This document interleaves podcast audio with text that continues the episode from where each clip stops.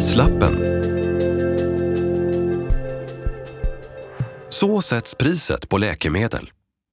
Läkemedel mot cancer är ett relativt nytt påfund. När möjligheten till längre liv och bot nu blir allt större riktas fokus på priset. Har vi råd att hjälpa alla? Framtidens cancervård kommer att slå oss med häpnad. Men den kommer att kosta. En enda behandling kan kosta över en miljon kronor. Den här typen av budskap är vanliga i debatten om priset för moderna mediciner mot cancer. Men vad är det egentligen som gör att nya cancerläkemedel kostar så som de gör? Och är det dyrt?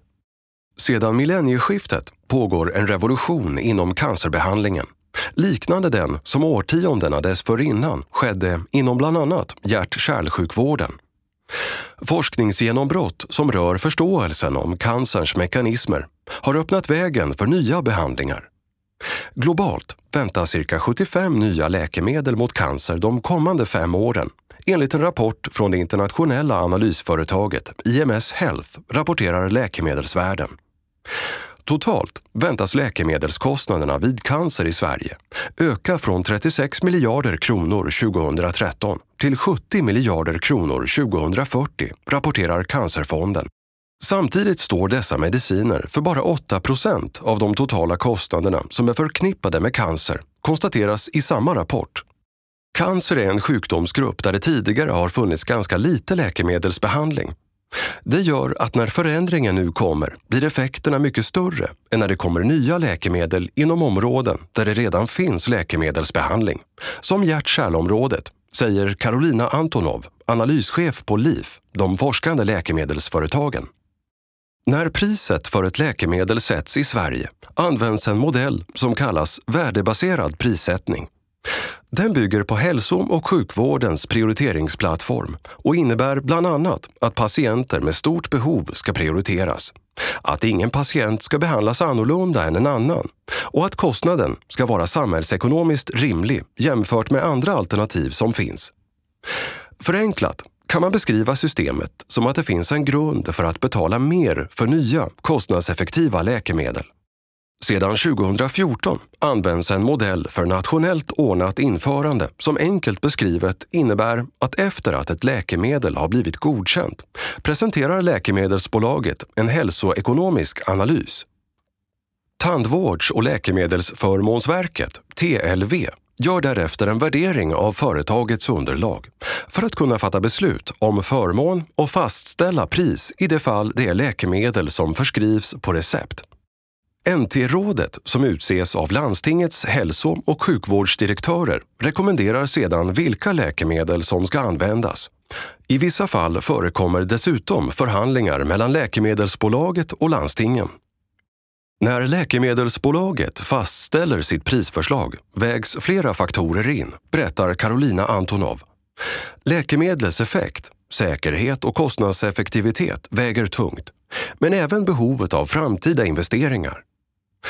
Ett patent gäller i ungefär 15 år och under den tiden behöver bolagen hämta hem vinsten. En vinst som också ska bära kostnaden för utvecklingen av de läkemedel som aldrig når hela vägen fram samt öppna dörren till att utveckla morgondagens mediciner. Att forska fram nya läkemedel tar 10 till 15 år och kostar i genomsnitt 10 till 15 miljarder kronor. Det finns en stor risk i verksamheten Ofta är det först i ett sent skede, när läkemedlen prövas på människor, som vi vet om satsningen fungerar eller inte. Men prisförhandlingen handlar inte enbart om kronor och ören. Från industrins sida ser vi att det till exempel är viktigt att använda introduktionstiden för att generera ny kunskap som är viktig för företagen. Där har vi bra förutsättningar i Sverige med väl utbyggda register men vi har ännu inte sett att sjukvården lyckats omsätta det här i praktisk användning så bra som vi skulle önska, säger Karolina Antonov. Det slutliga priset påverkas även av andra faktorer, som om det samtidigt kommer flera likvärdiga läkemedel som kan konkurrera. I de fall då det sker en förhandling om priset är det också hemligt vad man till slut kommer överens om. Och systemet med värdebaserad prissättning och förhandling har kritiserats för att brista i transparens. Det är ett bekymmer eftersom branschen under lång tid verkat för en ökad transparens. Samtidigt har företagen behov av sekretess för att det svenska priset inte ska påverka priset i andra länder. Ju mer förhandling man för in, desto mer för man in kommersiella överväganden som också påverkar vad företag anser att de kan vara transparenta med gentemot sina konkurrenter, förklarar Carolina Antonov. En fingervisning om vad det handlar om för summor fick vi under våren då motparten, Sveriges kommuner och landsting, SKL, gick ut med att man sparat sammanlagt 250 miljoner kronor på förhandlingarna rörande nya läkemedel mot prostatacancer och hepatit C. I takt med att cancer i framtiden alltmer blir en kronisk sjukdom kommer kostnadsnivån och troligen även prisbilden att påverkas, tror Carolina Antonov. Dels kommer det att komma generisk konkurrens som pressar priset. Dels kommer volymerna att öka när fler patienter lever längre. Precis så som det skett inom andra områden.